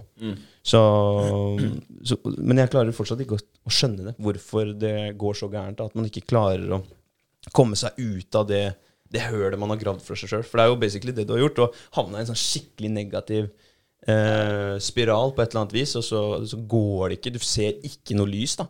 Det er, ja, jeg synes det er utrolig rart, det. Men tenk så utrolig Tenk så utrolig sterk den personen kunne blitt da, hvis man hadde klart å bare være så dypt nedi det, og snudd tankegangen og tenkt at der, Ja. ja, jeg vil kanskje ikke være her, men eh, jeg bare gjør det beste ut av det, og gønner på. Jeg gir faen i hva folk tenker. Driter i alt. Jeg skal få det til. Jeg tenkte å komme ovenpå, da. At du har kommet deg opp fra selvmordstanke, liksom. Ja. Kommet deg tilbake på livet, eller til, til livet igjen. For en vinn. vind. For en vind, ja. Ja. Og tenkte jeg da Ok, jeg har klart det her, da klarer jeg alt. Tipper jeg, da. Det må jo være en sånn type følelse. Eller så blir du sånn Ok, jeg klarte det her. Nå skal jeg hjelpe andre til å gjøre det samme. Det er jo ofte sånn, sånn det går med, med mennesker som har opplevd noe sjukt. At de eller hatt det sykt. At de eh, vil fortelle om det til andre og være inspirasjon. da. Og det er bra. Det er bra vi har sånne mennesker. Det er bra vi har sånne podkaster som det her også. For det er jo litt i samme kategorien. At vi har lyst til å snakke om Det vi snakker om, det hjelper jo oss. Og så håper vi at det har en eller annen, eh, en eller annen butterfly-effekt, holdt jeg på å si. Eller sånn, at det har ringer i vann. da. At det, de andre som hører på også, syns det her er spennende og kan, kan reflektere litt over, over det vi også reflekterer over. da. Da ser man jo også hvor uh, makta for repetisjoner. Altså i forhold til at man kommer ned i et så dypt høl. Da. Det er jo ikke noe som skjer bare sånn over natta. Nå er det bare sånn Du gikk fra å være kjempehappy hele livet ditt til ett døgn etterpå, så er alt mørkt, og så er alt mørkt lenge etterpå. Det, det skjer jo veldig sjelden sånn. Det er jo som regel at det er noen tanker som creeper inn, og så, og så får de mer og mer plass. og ja, repetisjonene havner i det, i det mønsteret der. Da. Til slutt så har du skapt en helt uh, ny del av deg som, eh, som bare ser det negative og ikke ønsker eh, Som ikke ser noe lys i enden av tunnelen. Så, så der har man jo litt en sånn liten wake-up call i forhold til det med repetisjoner òg. Hvordan er man bevisst på tankesettet sitt? Er man, hvor er det man er på vei hen, da? Hvis man drar det tankesettet her ut, eh, og de holdningene du har nå Hvis man drar det til det ytterste, da, hvor er det det faktisk kommer til å ende opp? Er det på et bedre sted, eller er det på et dårligere sted? Så kanskje man kan klare å arrestere seg i det, eller søke hjelp da, litt, uh, litt tidligere. Eh, så, så ja, den der uh, makta av repetisjoner er veldig viktig å ha med seg også, tror jeg. Hvorfor, hvorfor vil, man, eh, vil man dø? Er det, er det fordi at eh, livet Altså meningen forsvinner? Er det det som er Vet dere det? Altså om, om det er den mest eh, Eller den, den årsaken som, som gjentar seg mest, da? Med ensomhet, kanskje? Ensomhet, ja. Jeg vet ikke, altså Vi er jo søkende, da. Vi er veldig søkende. Tilhørighet er ja, viktig. Ja, ikke sant? Det er jo en del av at mennesker skal klare å fungere på best mulig måte. da Og ha en tilhørighet. Og- så hvis du- du, føler på ensomheten, da du klarer kanskje, kanskje ikke finner en partner, da er ingen partner der for deg. Du har kanskje ikke venner, fordi sånn er det bare. Og du føler på den ensomheten, da. Altså, jeg tror at er du ensom i livet, og hvis du er ensom Det er mange som er ensomme mens de er med andre òg, så er de fortsatt ensomme. Jeg tenker at da, da sier du basically til kroppen din at eh, du trenger ikke å fungere så lenge. Ja, det tror jeg. Det er jo sterkt knytta opp mot mening, det også, da, i forhold til Ja. relasjonene du har rundt deg. Altså, alt er jo knytta opp mot mening. Jeg tror Ja, altså, stikkordet her er uh, meninga med livet ditt. Hvis du ser uh, Hvis du har mindre grunn, da, hvis du føler at alt bare er lidelse, alt er fælt hele tiden, hva er poenget med, eh, med de greiene her? Altså, du jeg vet ikke, det er, Du har jo garantert ikke mening i livet ditt hvis, du, hvis du er på det stadiet at du har lyst til å, å ta livet av deg. Åpenbart så har du, du har jo ikke noe mer mening i livet.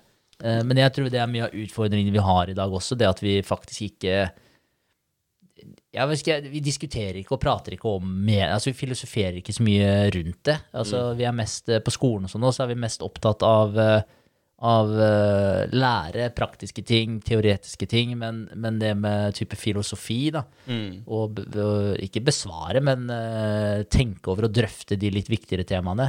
Og det, og det er jo egentlig det religion har tatt seg av tidligere, men i det opplyste Vesten, hvor, uh, hvor da religion har blitt uh, kasta veldig til sides, så, så det her er jo en av utfordringene, eller baksidene ved det, er jo at det, det var jo med og skapte mening i livet tidligere. Og den fikk du jo inn med, gjennom kulturen, da inn med morsmelka, men det, det gjør du ikke i dag. Nå er det nesten tvert imot. Mm. Det er nesten så vitenskapen er den nye guden.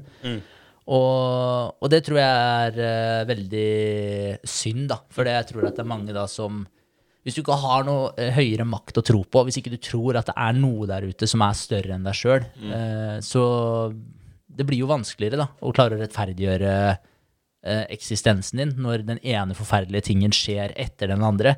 For livet er beintøft. Det, er, det er ikke noe å si på det. Altså, eh, by default så er livet beintøft. Det, det skjer jo forferdelige ting hele tiden. Spesielt også hvis du ser på verdensbildet, men også i alle familier òg. Du finner en tragedie i alle familier.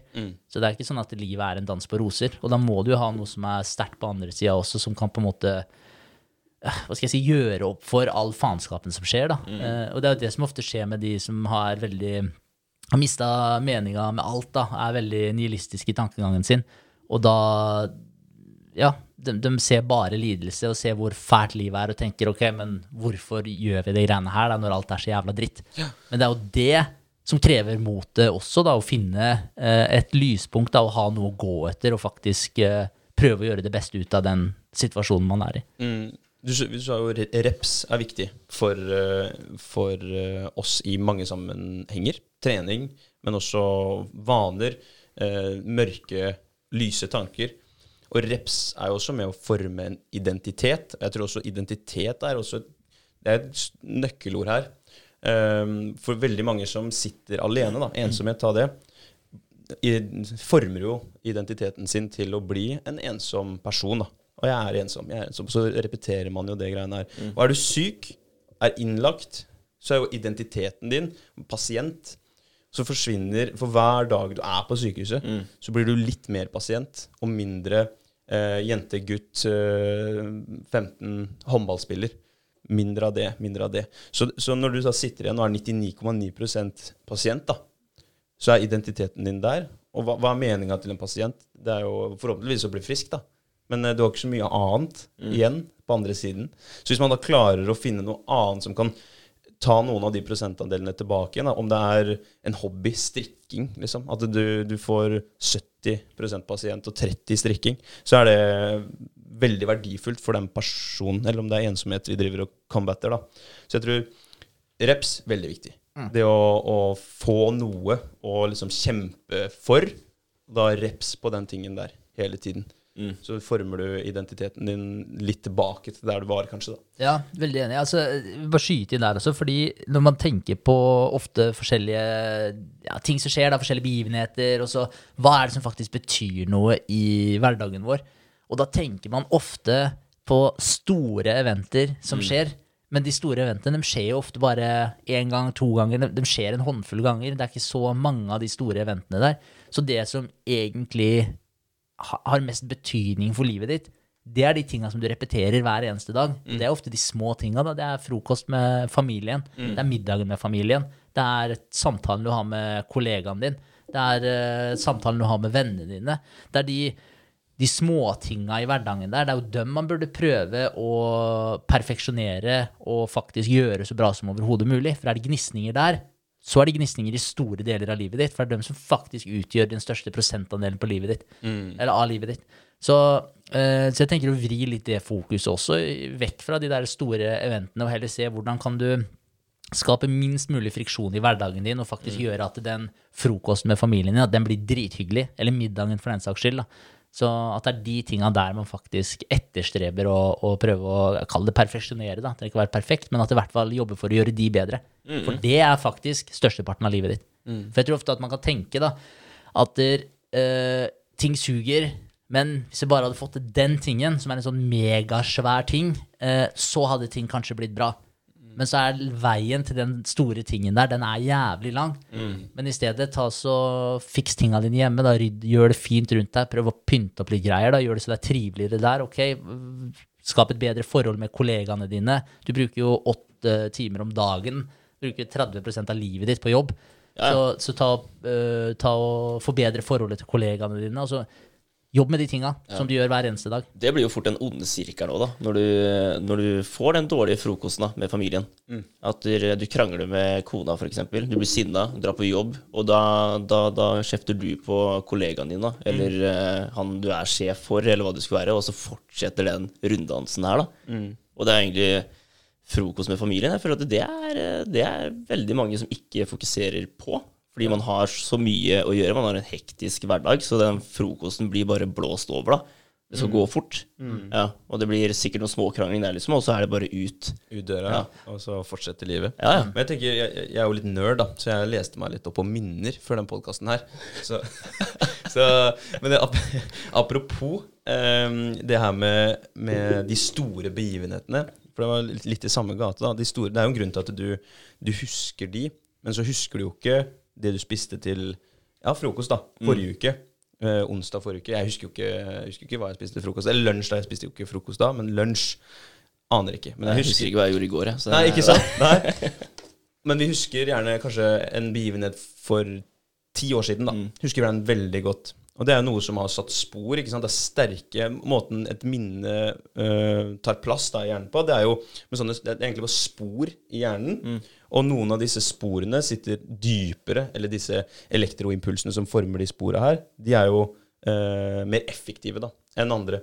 Og de der småtinga i hverdagen, det er veldig små riper. Men hvis man klarer å gjøre de litt mer, som du sier, da, frik, mindre friksjon, og ha litt mer fokus på det, skape positivitet rundt det, så tror jeg du husker også mer av hverdagen din enn og det tror jeg, altså. Det er noe, det er ikke fakta. Fakta er at vi, vi lager spor i hjernen når vi, når vi mm, lagrer et minne. da. Eh, og at de store begivenhetene er ofte noe du opplever, så du har en følelse også som forsterker uh, minnet og evnen du har til å beholde det mindre, og ikke bytte det ut med et annet minne. da. Så, så jeg tenker at det, det å, å sørge for at vi jobber for en hverdag hvor vi kan skape mer uh, og sterkere positive følelser rundt de småtinga vi gjør, så har vi en større mulighet for å, for å ha glede da, og, og forme oss til en positiv versjon av oss selv og de vi bor sammen med og er sammen med. Definitivt. Det er ikke så mye som skal til heller ofte. Altså, jeg ser jo bare på, på forloveden min i forhold til noen ting som hun gjør, som jeg setter utro, utrolig stor pris på. For eksempel at hun setter klar kaffekanna, eller kaffetrakteren. Så tar oppi kaffepulver og har helt oppi vann i den riktige mengden. da, sånn, eh, og, og bare så har preppa den klar, så når jeg kommer, så kan jeg bare trykke på, på start. Og det er, sånn, det er en ting jeg setter helt sinnssykt stor pris på, og det koster jo ikke så mye, men det er sånn sinnssykt ålreit. Det er sånne ting som gjør meg veldig glad. da. Jeg tror faktisk jeg hadde lagd en lyd hvis jeg hadde sett det en morgen. At det, Ja. det sto klart til meg. Bare sånn, åh, nice! Jeg Ja. tror faktisk jeg hadde sagt det til meg sjøl. Ja. Og da hadde jeg forsterka den følelsen. Da hadde jeg Yes. huska det hele uka, sikkert. Helt klart. Ja. Og, det, og det er sånn og den gjør meg veldig glad. Og det er en veldig liten ting som ikke tar så mye tid for Sofie, men hun går ut av veien sin for å faktisk gjøre det. Og det så, så jeg tror bare sånne småting som de der kanskje er nøkkelen da, til å faktisk uh, få den positive spiralen i stedet. Ja, ja. Og- Da, da kommer du mest sannsynlig hjem fra jobb, eller? Er det riktig? Ja, Ja. Det er en god, god måte å komme hjem eh, fra jobb på. helt Det er det. Og, og det er de, de småtinga der, da. Det, det, det her minner jo folk på, og det bør minne folk på, å gjøre de småtinga selv om ting ser jævlig mørkt ut. Det, det må jeg jobbe med, ikke sant? for jeg, jeg blir nesten sånn at det er ikke vits, for det hjelper jo ikke. Uansett hva vi gjør, så hjelper det jo ikke. Hvis det er noe som ser veldig mørkt ut på, for den personen som vi prøver å hjelpe. Da. Eh, men det gjør det. Det er som å si til eh, en som lider av demens eller Alzheimer, eh, hvis du jobber med, med en sånn person, at det, nei, det er jo ikke noe vits å ta med opp på noe hyggelig, for husker det ikke uansett. Men klart, er, du vekker jo en følelse. Alt av det vi prøver å gjøre for andre, vekker en eller annen form for følelse. Så det hjelper, selv om vi ikke husker det. Jeg tror det er masse å si. Ja. Altså det, er, det er det som jeg snakka om før. Det, det lille heiet til eh, en random person på butikken. Det kan gjøre utrolig mye for den personen der. Bare se en annen, et annet menneske smile til en og gi en oppmerksomhet. Da. Det kan være skille det mellom å hoppe foran den bilen eller Ikke gjør det. Ja, ikke gjøre det. Ja, faktisk. Rett og slett. Og det er det, bare for å fortsette på den, det er det mange som faktisk har sagt også. Den var på vei til å ta livet av seg. Det var en random person som smilte til dem den dagen. De lot være å ta livet sitt. Den dagen. Ja. Så det er, Det er helt det er, sykt. det er faktisk helt sykt. Så, så det er ikke kødd det du sier med at et, bare et smil til en fremmed kan være en veldig positiv greie. Så ja, handlingene dine har effekt. Veldig. Ja. Men apropos minner òg, da. Det er eh, altså når eh, Det blir jo mindre å dø, da. Altså når noen dør og forsvinner, så, så forsvinner også minnet ditt, da. Om, om enten personen eller den plassen du kjenner personen fra, da. Eller om du har kanskje vært på den plassen veldig ofte, da. Det blir som eh, hvis besteforeldrene dine dør, da, og noen andre tar over gården eller huset eller hva det skal være, og totalrenoverer det greiene her, så forsvinner hele det huset, da. Hvor alle de minnene er bunkra fast, liksom. Så da glemmer du det. Da har du ikke den der oppbevaringa av de minnene lenger som du kan dra til for å friske opp hodet ditt. da. Ja. For det er eh, når du drar dit, og du Da husker du alt du gjorde da Når du var eh, sju-åtte år gammel, og du løp rundt der, liksom, og du gjorde den tulletingen der, eller du dreit deg ut, eller hva enn du gjorde, da, så husker du det. Det fordi derfor. du er i det huset. Det er jo derfor det er så deilig å komme tilbake til besteforeldrene sine. ikke sant? Jo, det selv om det er, de har ikke den superfine TV-en som du har hjemme, men de er, det er så deilig å komme dit, fordi du husker alt det kule og morsomme du gjorde når du var der. Får så god følelse, det vekker en god følelse i kroppen. Så det Helt er nice. Det var ting jeg hadde tenkt å kommentere på det der, altså, men nå uh, glapp det helt, faktisk. Det forsvant. Ja, det tips gjør det. du må Ja. skrive. Skriv Ja, jeg det, vet det. ja. Jeg så det, Andreas. Tenkte bare sånn Fuck, ass, jeg glemte å skrive boka mi i dag. Så jeg burde også begynne med det. Skjerpings. Det var veldig, veldig smart, faktisk. Det var det. Um, jeg har et uh, spørsmål til. Altså, har dere egentlig tenkt noe over hvordan deres begravelse skal være? Hvordan skal det fungere? Er det en positiv uh, plass å være, eller er det negativt? Eller negativt det har jeg å si, da. Er det, er det en sørgelig plass å være, eller er det en festlig plass? Du kommer jo aldri til å få begravelsen til å ikke være en sørgelig plass, men jeg skjønner hva du mener. Ja. At, du, at man burde minnes Da er du for- rasshøl, da. Hvis Ja. det bare er glede.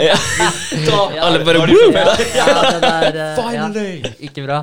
Men uh, jeg tenker jo at uh, målet mitt er jo altså Åpenbart så kommer det jo til å være en sørgelig begivenhet, håper jeg, da, herregud. Men, eh, men eh, målet er jo at man kan minnes, i hvert fall, da, det man eh, gjorde når man levde, og ha gode minner fra det, så ikke det bare blir eh, ja, bare trist, da. Eh, sånn at det ikke bare blir sørgelig, men at det faktisk er en del Jeg, jeg ønsker at man skal minnes Ja. det, det er på en måte var, og det jeg forhåpentligvis da bidro med som positivt. Men det kommer jo veldig an på da, hvordan, hvordan det her skjer. Om, det, om, det, om du forsvinner for tidlig, eller om du får levd livet ditt eh, fullt ut. Det er jo to veldig forskjellige, forskjellige måter å bli Ja. på og begravd på, da. Ja, jeg har vært i begravelse til uh, to stykker, egentlig, som har vært uh, unge. Vært altfor unge. Uh, og det er en helt annen stemning, for å si det sånn, da, i den eh, begravelsen kontra hvis det er noen som har levd ut livet sitt. Eh, det er trist begge deler, men det er uh, Det er forskjell. Det er veldig stor forskjell. Veldig stor forskjell. Så, så ja, så for uh, ja, man får bare håpe at man får et langt og fint liv, da, og Ja. prøve å gjøre mest mulig bra på den tida man har. Ja. Men uh, hvordan begravelsen Jeg vet da fader, jeg, altså. Men jeg håper jo til syvende og sist at der, eh, igjen at jeg har vært med på å faktisk bidratt med noe positivt. At jeg har satt noen uh, veldig oppegående mennesker med gode karakterer til livs før jeg forlater den uh, planeten her. Ja. Så ja, at man blir huska for det gode. Ja. Det må jo være et mål, tenker jeg. Hva tenker du, Andre? Ja, jeg, jeg tenker også det. Jeg har lyst, jeg har lyst til at folk skal være, være eh, liksom forn- fornøyd i begravelsen, i den forstand at de, de er fornøyd med det jeg har gjort. da At det er Ja. liksom å, Impacten man har hatt, i, hatt tidligere, var liksom vi snakka om i stad, med, med å visualisere sin egen begravelse også. Jeg vil at det skal være, skal være positive ord som kommer ut av munnen til de som sitter i, i kirka på, på benke, benkeplassene, da, tenker jeg. At det skal være og ettermælet mitt som sitter der, samme som Henrik sier, at det har en sterk ryggrad og har gode holdninger da, på de, de barna jeg har da oppdratt. Jeg har allerede begynt å forme gode holdninger på, på lille Jakob hjemme, så han, eh, han er so far not an asshole.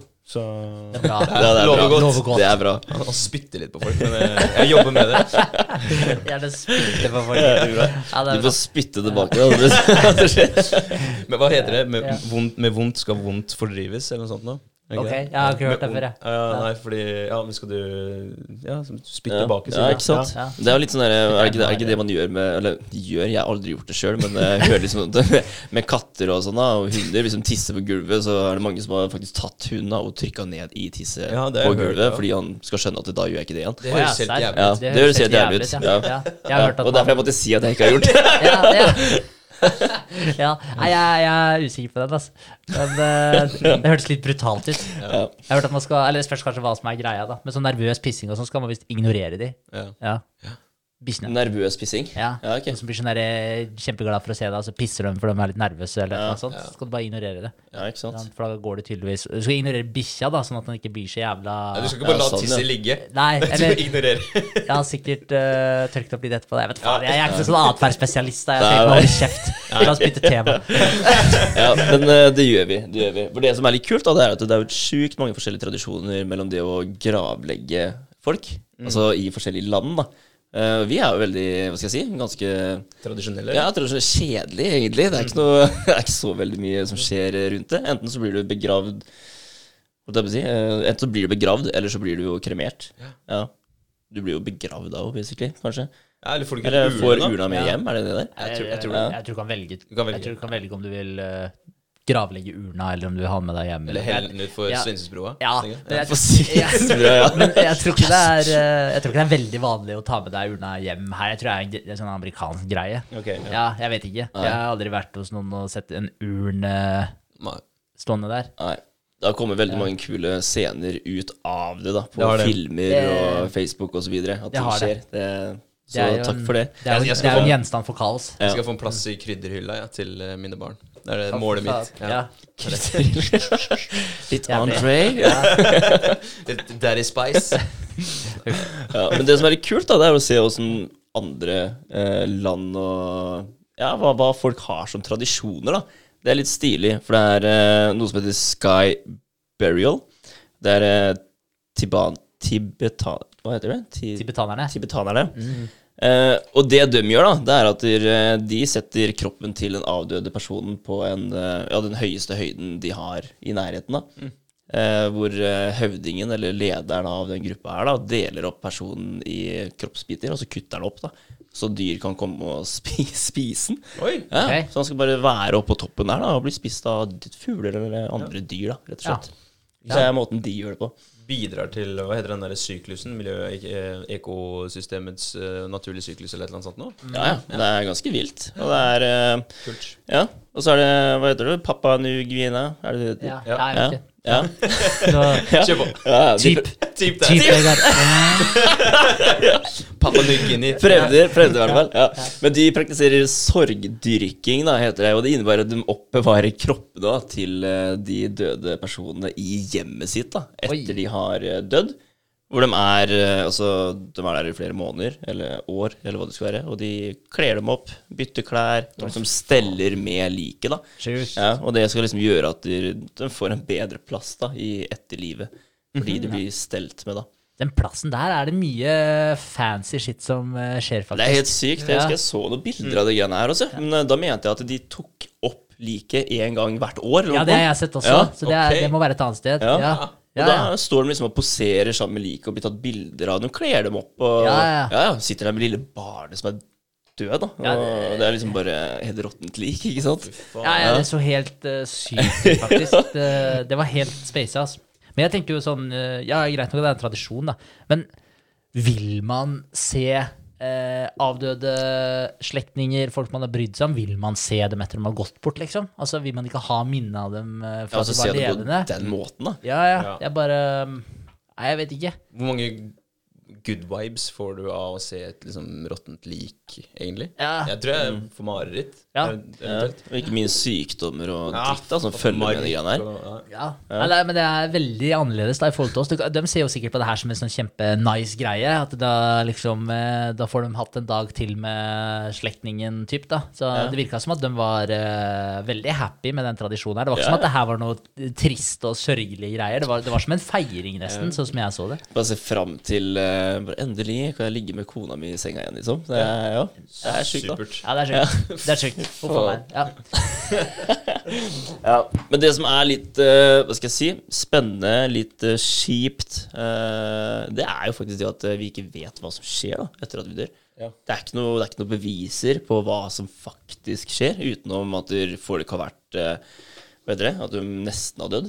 Du har vært liksom livløs i et minutt eller to, eller noe sånt nå, så Ja, Ja. Det, er, det er det vi har uh, forska på, da. Det er det vi har fått eh, beskrevet opplevelser av. At du får den typiske følelsen av å forlate kroppen. Du, du møter lyse vesener, du ser liksom lyset komme.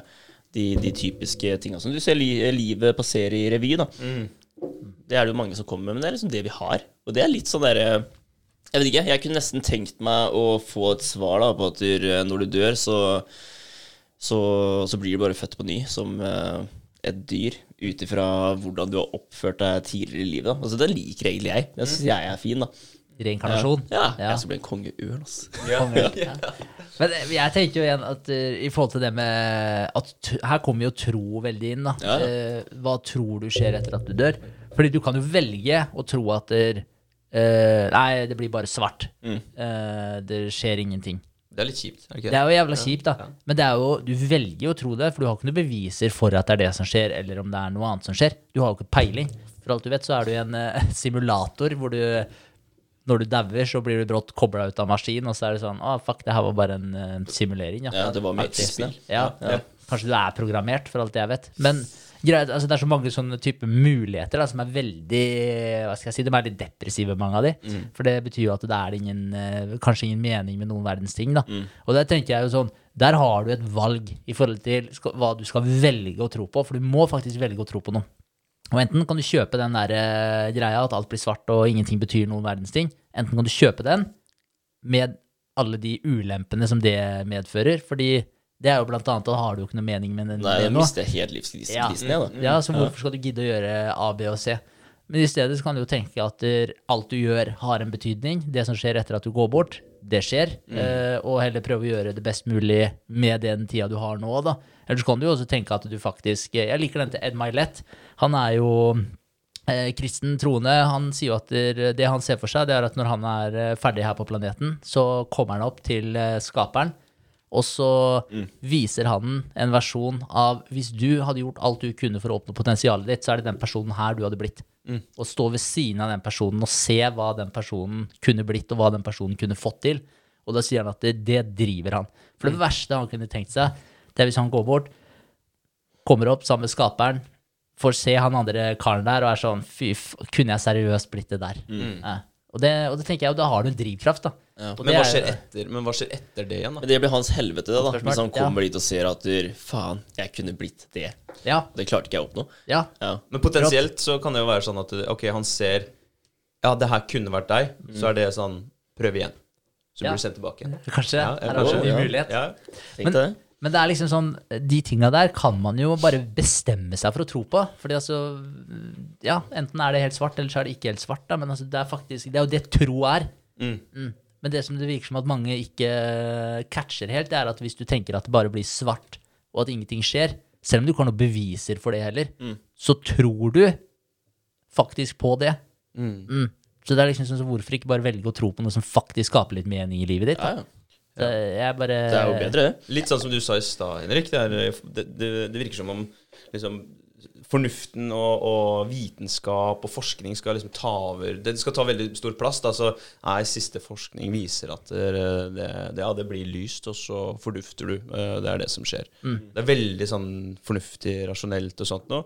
Men det, det er litt kjedelig. Det er liksom at alt skal bli og det å tro på ting og ha drømmer og sånt noe skal liksom skyves litt bort, og vi skal være realistiske og fornuftige, og vi Ja, det blir banka litt ned. Ja, det er statistikker, og det blir så jævlig tørt og grått, egentlig. Så det å kunne få litt mer tro, litt mer håp, litt mer drømmer da inn i, inn i livet sitt, det er jo bare sunt. Så jeg tenker at døden, eh, som vi snakker om i dag altså det, det hørtes jo veldig svart og grått ut, men jeg har fått litt mer sånn Å ja, faen, kanskje vi kan bruke det til å skape, skape litt mer farger i livet, da. Tro litt mer, håpe litt mer, drømme litt mer, tørre litt mer. Så det var egentlig en jævlig bra pod, Vegard. Til, jeg, jeg fikk sånn derre Døden? For faen skal vi snakke om døden for? Jeg har lyst til å snakke om livet! ja. ja. Men da er det jo egentlig basically det man prater om. Da. Det er faktisk det det man ender opp å, å prate om. Men Ja, for det er bi... Hva heter det? Det er jo um, Ja, det er jo uh, to Det er jo bare to valg du her, har basically her i livet. Du kan egentlig leve, eller så kan du dø. Det er jo, hva heter det? da? Er det bi... Å! eh, ja, du har, når du har to ting, så er det bineural Nei. nei, ja, jeg vet da fader, jeg. Bi Jeg Ja, vet ikke. samme- Bi er jo to. Ja, det er to. Ja, men det jeg vet faen. Ja, da er du bi, da. Da er da er bi, da. Du har to valg. Du kan det blir tre valg. Da. Ja. Enten kan du velge å la det være drivkraften din, eller så kan du la det føre deg godt og trygt ned i sofaen. Ja. Ja. Men, jeg, men jeg tror det er viktig. Altså, veldig bra poeng, André. Jeg tror det er viktig altså, det her med tro, at man kan tro litt mer. Da, at det er litt eh, jeg, jeg tror det er viktig å få den litt tilbake igjen. At man har troa på ting. Fordi eh, det med vitenskapen, den har liksom erstatta religion. Men, men den har ikke det. Altså, altså vitenskapen er ikke komplett. Det er, eh, den er ufullstendig i form av at den tar ikke hensyn til hva de store spørsmåla, da. Hvordan du skal leve, hvordan du skal oppføre deg, hva er meninga med livet. Altså De faktisk store, betydningsfulle spørsmålene der tar ikke vitenskapen for seg. Så det at det, på en måte vitenskapen har skjøvet ut religion, er jo eh, Hva skal jeg si, det er ikke en fullkommen erstatning. For den eh, har skjøvet ut noen av de tinga. Eh, som uh, hvis du ser Altså hvis du leser f.eks. Bibelen med, et, eh, med vitenskapelige øyne, så er det ikke sikkert at uh, Da kan det se veldig flåsete ut, kanskje. Men, eh, men du leser jo den da gjennom en linse som har blitt til 2000 år etter at den boka ble skrevet. Og det er jo Hva skal jeg si? Det er jo litt feil approach, spør du meg, da. Og, du, og når du da i tillegg ser at den vitenskapen da ikke tar for seg mange av de tinga som faktisk religion tar for seg, eh, og hva skal jeg si, da gir det jo mening kanskje å backtracke litt inn på, inn på hva skal jeg si, den biten der igjen nå, da. Og prøve å skape litt mer mening i livet ditt. Da. Tro på noe som er litt større enn deg sjøl. Og det betyr ikke at du må lese gjennom hele Bibelen eh, og bli superkristen etterpå, men altså få et forhold til hva det er du tror på. Fordi, som jeg sa i stad også, enten du velger å tro på noe eller ikke velger å tro på noe, så tror du på et eller annet. Så hvorfor ikke bare velge å tro på et eller annet som faktisk bringer deg litt mening i livet? Ja, det er jo, det er det er jo noe noe man må ta stilling til sjøl, da. Mm. Ja, ja. Ja, Ja, bra. Binært skulle jeg fram til. Det er, Binært, Det er veldig, Det er veldig Altså, det er binært. Det er leve eller dø. Det er det der. Så det er gull. Men helt til slutt, eh, gutter, kan jeg stille dere to spørsmål som jeg har kommet på mens vi har uh, sittet her. Eh, er dere redde for døden? Og hvordan tror dere at dere kommer til å dø? Oi. Ja. Redd for døden. Jeg jeg er, ikke, jeg er ikke redd for døden på den måten. Jeg tenker at det, det har vært utrolig trist og kjipt hvis eh, jeg plutselig blir kjørt på i morgen ved et uhell, og det er det. Jeg tenker at da, da får ikke jeg eh, vist mitt eh, potensial, da. Ja, da tenker jeg at det, det stopper altfor tidlig. Ja. Ja, men eh, når, når eh, tiden er inne, så tenker jeg at jeg håper at jeg er eh, fornøyd med alt jeg har gjort, og tenker at, at jeg aksepterer det, da. Ja. Så det er det jeg håper kommer til å skje, at jeg kommer til å ligge der og tenke at jeg har gjort det jeg har lyst til å gjøre, og at jeg er fornøyd med det, og at jeg kan gå nå, og at alt er greit. Hvordan tror du at du kommer til å dø? Det er sikkert kreft, kan jeg tenke meg. Ja, nå vet vi, nå vet vi at vi alle har Garantert, kreft. altså. Det er, vi har jo kreft alle sammen, som du sier, så ja. Det er sikkert det som skjer. Faen, altså. Jeg dytter i meg så mye dritt, så det går galt. Så det er sikkert det som kommer til å skje. Da har du svaret ditt der, da. Ja, ja, ja. Ja. Jeg, eh, jeg eh, er eh, jeg, heller er ikke redd. Altså, Jeg har overhodet ikke lyst til å dø, men det er ikke noe jeg går og er engstelig for. Jeg prøver å tenke at jeg skal leve til jeg er 112 år gammel. Mm. Og akkurat tolv? jeg, jeg tror det er en million timer, altså. Ok, ja, kult. Ja, jeg tror det. Ja. Så, ja, så det er et kult tall. Det var sånn kjapt regnestykke du tok nå. Så bare, jeg, jeg tror det er sånn cirka millioner. Ja, hvis jeg husker Jævlig bra. Hvis jeg ikke, hvis jeg ikke husker helt feil. Ja, jeg tror det. Uh, nei, jeg, jeg mener det er det. 112 år, at det er en million timer. Så tenker jeg er ganske kult. Da. Så jeg tenker 112 år. Det er 112 år og noen dager, tror jeg. Da. Men, eh, men ja. Eh, og da dør jeg av eh, at da er det slutt. Men, eh, men eh, jeg skal være i god form fram til det. Ja. er planen min. Så jeg skal ikke ligge i senga de siste tolv åra. Nei. Skal være oppe Nei, det går jo ikke. Det er ikke vits å ønske 112, da. Nei, så, så jeg skal ikke dø av kreft, Vegard. Jeg skal leve til jeg er 112 år gammel. Eh, og så Gleder jeg meg til å se, oss. ja, ja, ja, du ser jo ikke det, da, men, uh... Nei, jeg er så vekk, jeg, da. men, uh, Møter deg i himmelen, da. Ja, det gjør det. Men når det ikke er uh... Eller jeg er ikke redd for det, men jeg håper jo virkelig at jeg får uh, det som du sa, Vegard, potensialet ditt. At du får faktisk uh, jobba deg opp mot potensialet ditt, i hvert fall. At det ikke går bort for uh, tidlig. Så jobbe seg opp mot potensialet sitt, 112 år gammel, da er jeg happy. Ja, jeg har alltid hatt 100 som et sånt Bare fordi 100 er kult. Så 100 år, og så tror jeg Jeg er ikke veldig redd for å dø. Jeg føler meg liksom sterk og i form og sånt, så det er ikke noe jeg går og på en måte er engstelig for. Og det tror jeg hadde vært veldig slitsomt hvis man hadde angst for det, dødsangst hele tiden. Det er mange, mange som har det òg. Det er jo superslitsomt. Men nei, jeg har ikke noe angst for å dø. Men jeg, har, jeg er redd for å ikke få uh, sett uh, se, hele livet, da. Sånn som dere sa, egentlig. Potensialet. Sett hele livet mitt og livet til min sønn og da neste barn eventuelt, da. Så det er jeg litt redd for. Men, øh, men ellers så er jeg ikke redd for å dø. Nei. Da er det stikkordet, da. Memento mori. Ja. Ha døden framme i panna. Ja. Vite at den er der. Og Kanskje det er litt sunt å være litt redd for å dø. Sånn Ja. bitte lite grann. Ja, Og så være litt nervøs når du skal gjøre noe. i hvert fall en uh, reality Ja, ja. check. Det er veldig sant. Du tar en liten sikker jobbanalyse i hodet ditt da. før Ja, du en gjør noe. sja. Det gjør man. Ja. Nei, Bra. bra. Kult. Med, med sja i minne og memento mori så takker vi for øh, dagens møte. Yes, Ja, det gjør vi. Veldig bra, folkens. Vi Takk for ses øh, snart igjen. Takk for i dag.